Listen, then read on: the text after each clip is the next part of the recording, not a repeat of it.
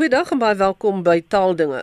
Later in die program praat ons oor 'n drietalige landbouwoordeboek, maar eers gesels ek oor 'n handleiding in Afrikaans om vakkundiges te help om terme in hulle onderskeie vakgebiede te skep en te dokumenteer. Die boek se naam is Terminologie en Terminografie en ek praat nou met die skrywer Dr Marietta Alberts. Dr Alberts, voordat ons nou praat oor die aard van die boek, wil ek net eers hoor wat is die verskil tussen terminologie en terminografie? Dit is nou die naam van die boek, maar wat is die verskil tussen die twee terme? Terminologie is basies die woordeskat van 'n vakgebied. Dit is met ander woorde die die, die versamelnaam vir al die terme wat in 'n vak gebruik word. Ons praat by vaktaal van terme en nie van woorde nie. Want terme is bietjie meer eksak as wat woorde is. Hulle beskryf ook 'n bepaalde begrip of konsep. Terminologie is ook die beginsels en die teorie onderliggend aan die vakdissipline. So dit behels ook onder andere die navorsing wat 'n mens doen oor die begrippe en dan om terme te skep. Daarteenoor is terminografie terminologie werk dit is die saamstel van termlyste en vakwoordeboeke. Dit is met ander woorde die praktyk van woordeboek maak. Net iets wat ek gou oor terme wil sê, daar is daai groot fout wat baie mense maak deur bepalinge en voorwaardes direk te vertaal uit die Engels en dan sê terme en voorwaardes. Hierdie terme het nou nie te doen met terminologie en die terme waarna jy nou verwys nie. Nee, daai is 'n baie lelike woord wat hulle gebruik. Uh dis definitief verkeerd en maar terme is die woorde van faktaal. Kom ons praat dan oor die aard van hierdie boek en wie hierdie boek sal kan gebruik. Kom ek begin daarby om te sê ek het in 2017 het ek 'n boek in Engels geskryf wat basies uit al my lesings en referate bestaan het wat oor die baie jare gestrek het. Ek het gevoel dit is 'n sonde om daardie inligting en kennis te laat verlore gaan en daar word tans nie juis meer in diensterminologie opleiding verskaf nie die terminoloog wat tans in diens is van die nasionale terminologie kantoor kry net onderrig in rekenaar gebruik en databasis beheer maar hulle kry nie terminologie opleiding as sodanig nie en omdat daar nie 'n diensopleiding daar verskaf word nie en terminologie eintlik ook net meestal 'n onderdeel is van modules in linguistiek, leksikografie of vertaalkunde by universiteite het ek gedink dit is belangrik om so 'n boek te skryf. Die aard van die boek is basies dat in hoofstuk 1 gee ek riglyne aan die akademie oor hoe hulle hulle lede by faktaalontwikkeling be kan betrek. Hoofstuk 2 is 'n terminologie teorie en al die beginsels wat daarmee saamgaan. Hoofstuk 3 is die terminologie praktyk, dit is met ander woorde die terminografie. Hoe stel jy 'n vakwoordeboek saam? En dan hoofstuk het ek 'n volledige vakwoordeboek ingesluit om te wys waaruit so 'n produk moet bestaan. Dit is met ander woorde die, die voorstukke. Dit is die voorwoord, inhoudsopgawe, gebruiksaanwysings vir die gebruiker en dan die A tot Z gedeeltes. Is dit 'n spesifieke vak wat jy as voorbeeld gebruik het? Ek het 'n spesifieke vak gebruik. Ek het sielkunde gebruik. Ek wou al die jare graag sielkunde uh sielkundige geword het, maar ek was emosioneel nooit ryk genoeg daarvoor nie. Ehm um, nou jy nou jy daarom jou droom waar gemaak. ja, en ek kon nou na al die jare kon ek bietjie weer my sielkunde in uh, kennis bietjie opknap.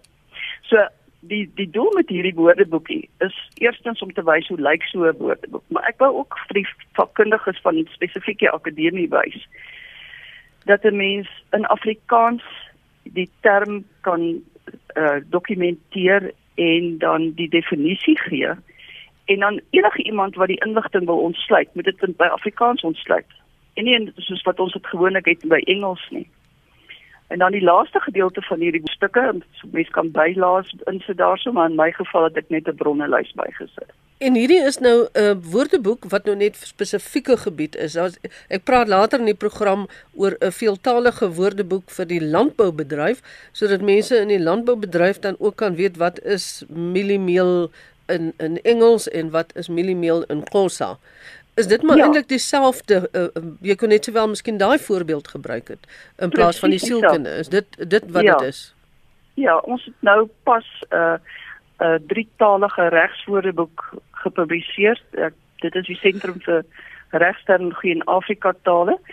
Die eerste publikasie was Engels en Afrikaans. Dit gaan bestrafreg, strafproses en bewysreg, tipiese terme wat jy in howe gebruik. En ons het nou die Khoza weergawe bygesit. Kom ons praat oor die standaardisering van terminologie van 'n spesifieke vakgebied. Is dit ooit moontlik? En en wat is die uitdaging daar? Ja, dit is van die uiterste belang om 'n begrip en sy term te standaardiseer. Want terminologie is 'n eksakte wetenskap. Daar is 'n uh, 1 tot 1 verhouding tussen 'n begrip en 'n term. Nou wat dikwels gebeur is dat daar 'n proliferasie van terme vir dieselfde begrip is en dit veroorsaak kommunikasieprobleme. Jy gaan byvoorbeeld in in randgebiede soos die sielkunde en die sosiologie benoem hulle 'n begrip verskillend en dit gee vir mense kommunikasieprobleme want jy verstaan nie altyd wat die term eintlik vir jou moet oordra nie. Dit is baie belangrik om ook om begrippe te definieer sodat die begrip sy betekenis en die term dan 'n een eenheid vorm. Kom ons lig dit toe met 'n paar voorbeelde dat jy vir ons kan illustreer want ek kan dink dat mense in verskillende tale wat natuurlik gekoppel is aan verskillende kulture 'n verskillende betekenis aan 'n term sal kan hê dieselfde begrip het in hierdie geval drie terme. Die een is spysverteringskanaal, alimentêre kanaal of gastro-intestinale kanaal. Nou al drie word gebruik, maar mense sal nie noodwendige onderskeid maak dat jy sê spysverteringskanaal se register is bietjie laer. Jy gaan dit gebruik by gewone mense waar gastro-intestinale kanaal en alimentêre kanaal sal die wetenskaplikes waarskynlik gebruik. Dit dit maak dit vir 'n mens amper moeilik. Hoekom het jy twee terme daar? Is die een Latynse oorsprong en die ander een dalk Grieks? 'n uh, baie op die aarde tipe van voorbeeld is loodvry en ongelode brandstof. 'n Mens moet seker maak dat jou navorsing oor die terme baie goed gedoen is. Want as jy nou kyk na loodvrye en ongelode pet, uh, petrol brandstof. Daar sal blykbaar altyd bietjie lood in brandstof wees. So loodvrye petrol wat aanvanklik die term was, is verkeerd. Dit moet wees ongelode petrol, maar mense is geneig om as nog steeds die term loodvry te gebruik in plaas van ongelode. So as jy nie standaardiseer nie, dan het jy 'n probleem dat vakkundiges en taalpraktikus sy die terme van daai bepaalde vakgebied eenduidig nie nie eenduidig gebruik nie. Wanneer dit wel gebruik word, dan raak die terme gestandaardiseer. Uh een van die voorbeelde wat ek in hierdie boek gebruik is die term selfmoord teenoor selfdood. Die vakkundiges wat ek geraadpleeg het toe ek die term gelys opgestel het, het gesê dat mense nie meer die term selfmoord moet gebruik nie, maar eerder selfdood want dit is 'n versagting van die daad. Ek vind egter dat die meeste mense nog steeds selfmoord gebruik. Die vakkundige sê ook jy moenie sê selfdood pleeg nie. Jy moet eerder sê selfdood toepas. Met ander woorde is alles 'n versagting. My argument hier is, sodra mens 'n emosionele konnotasie aan terme heg, verloor daardie term sy eksakte betekenis. Die Engels is nog steeds suicide dit maak nie vir my sin nie. Goed, ek ek het saam met die vakkundiges gegaan en self dood is in die boek opgeneem. Maar nou wat maak jy met 'n selfmoordbomplanter? Word hy nou skielik 'n selfdoodbomplanter? Wat wat is daar om te versag? Ja, daar wil die mense dit nou weer verswaar. Presies. En uh dit is die probleem met standaardisering van van vaktaal. Dat jy aan die een kant die vakkundige het wat redeneer dat die term versag moet word en aan die ander kant het jy nog steeds die volksmond wat wat die ander term gebruik en dan kry jy hierdie tipe van samestelling so self moordbomplanter. Ek kan nie sien dat dit 'n selfdoodbomplanter kan word nie. So dit is die tipiese probleme wat mense het as daar nie standaardisering is nie.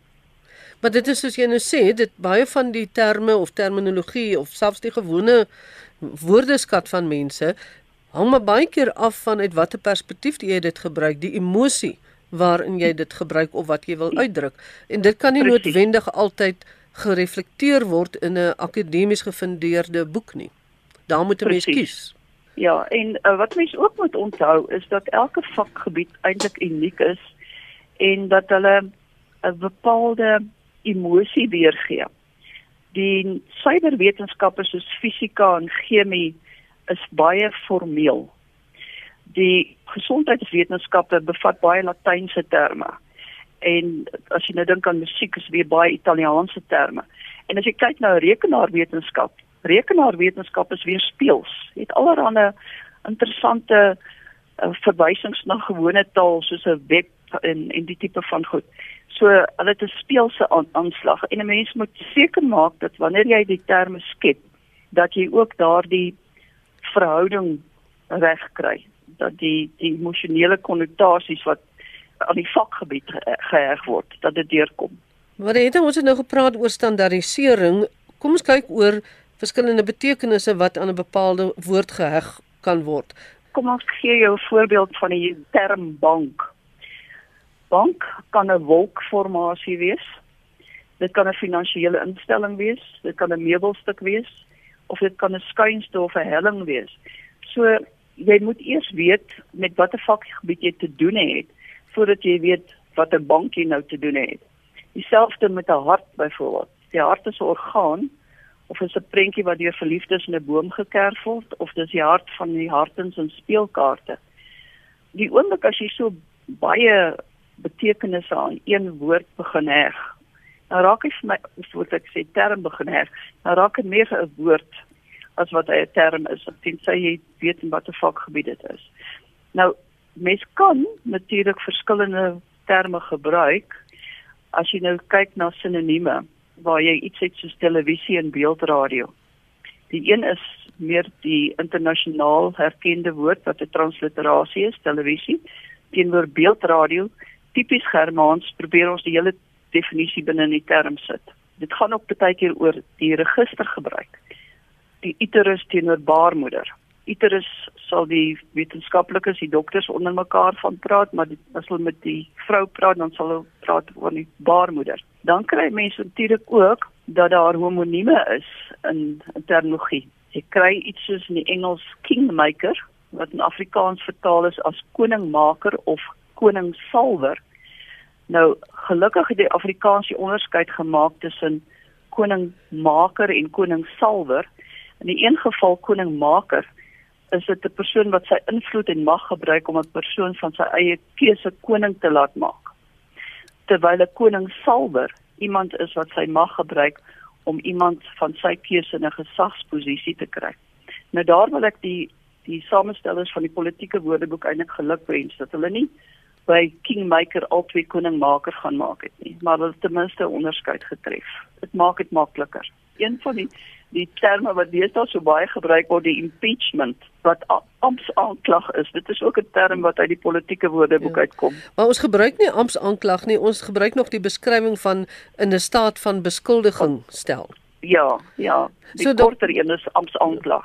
So dokter Marietta Alberts, daar's nog baie werk wat vir jou voorlê. Ek verneem jy wil ook werk aan 'n hersiening van die Veertse Nywoordeboek ensovoorts, maar ons tyd vandag is verspreke. Dis 'n baie interessante onderwerp hierdie en as ek eers begin praat oor Afrikaans en die terminologie en terminografie, dan kry jy vir my ook nie gestop nie.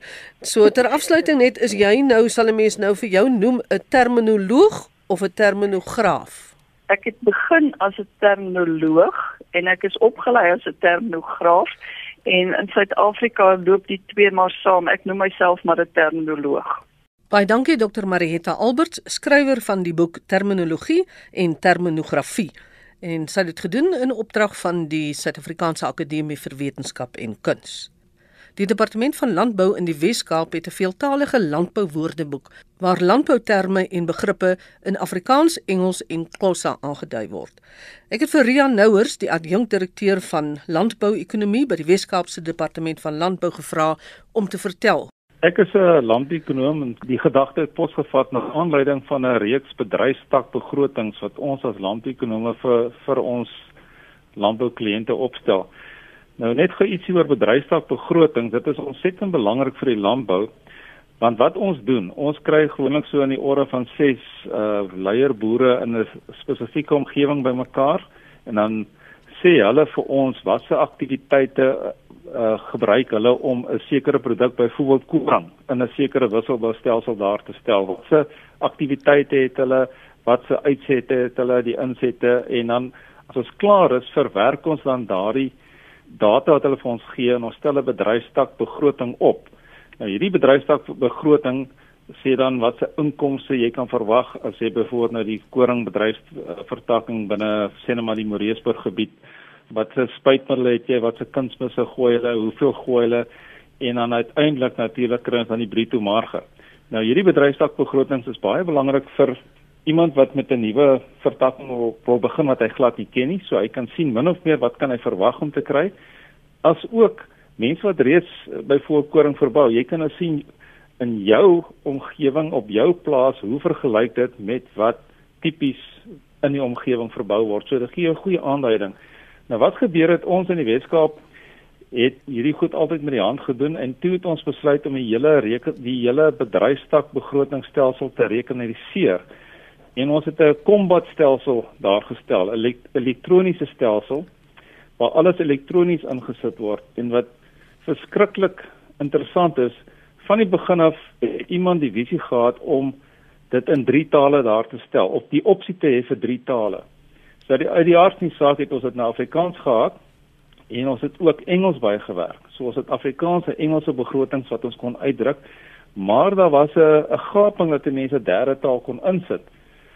Ek het aanvanklik gedink, "Joh, dit is 'n baie lekker stelsel om selfs na ander deel van ons buurlande te stuur om ander tale wat hulle in, in Botswana en Zambië en daai goed ook uh, daai lande ook gebruik om om dit op te stel sodat ons die kombat stelsel kan uitdra in Afrika in." Maar net 'n stapie terug, toe ek besluit, nou kom ons begin eers plaaslik en ons kyk wat ons kan doen met Khoza. En ek het toe onmiddellik na een van my Khoza kollegas gegaan, Bongizo Matoti, en uh, gevra sy my moet help. Maar voor ek by haar uitgekom het, het ek dit eers uitgestuur na ons vertalingsdienste in Kaapstad en hulle het 'n poging aangewend om die Khoza woorde vir my deur te gee Maar na ek en Bongiso daarna gekyk het, het sien ons maar gits dit werk maar nie lekker nie. Mense wat nie 'n landbou agtergrond het nie, kan nie sommer direkte landboubegrippe vertaal nie. Daar hulle verloor die hele konteks van die van die storie. Bongiso het toe gegaan en sy het die woorde vertaal. Na elke periode het sy die goed vir my teruggegee en ek het dit goed verwerk in my rekenaar en dan het ek dit weer vir haar teruggegee waarna sy gekyk het, is dit reg. So dit is nie so maklik geweest om selfs in Khoza terminologie te kry vir Afrikaans of Engelse uh, landboubegrippe nie. Want onthou daar's baie nuwe woorde wat nie in die uh, kom ons sê die swart etniese tale bestaan het nie. Soos byvoorbeeld 'n baalmasjien. Jy weet hulle het nie so 'n woord daarvoor gehad nie en sy het toe gaan konfereer met haar ander landboukundiges wat Khoza magtig is en hulle het toe vir ons die die korrekte woorde gegee. Nou wat is 'n baalmasjien nou in Khoza? Baalmasjien in Engels is bailer of bailing machine en dan in Khoza is dit umachini webali. Bewaringsboerdery, ek sien as hier op bladsy 184. Ja, dis mos nou 'n um, baie gewilde en 'n baie uh, algemene ding deesdae, baie relevant. Bewaringsboerdery obviously in uh, skiet ek praat nou Engels as conservation agriculture, ek het nou die Engelse woorde hier voor my en dan dink ek so ek sommer in Engels. En dan in Khoza is dit Ulimo Lolondolozo. Boerdery Bruto Marga. Dit is in Engels farm gross margin en in Khoza is dit Inani Lilonke Le Gross Margin Ifama. Ek glo elke landbouvoorligter, elke landbounavorser in die land behoort so 'n uh, 'n uh, 'n woordeboek te hê. Baie dankie Rian Nouers van die Departement van Landbou by die Wes-Kaapse Regering en dit is dan Magdalene Creer wat groet vir vandag se taaldinge.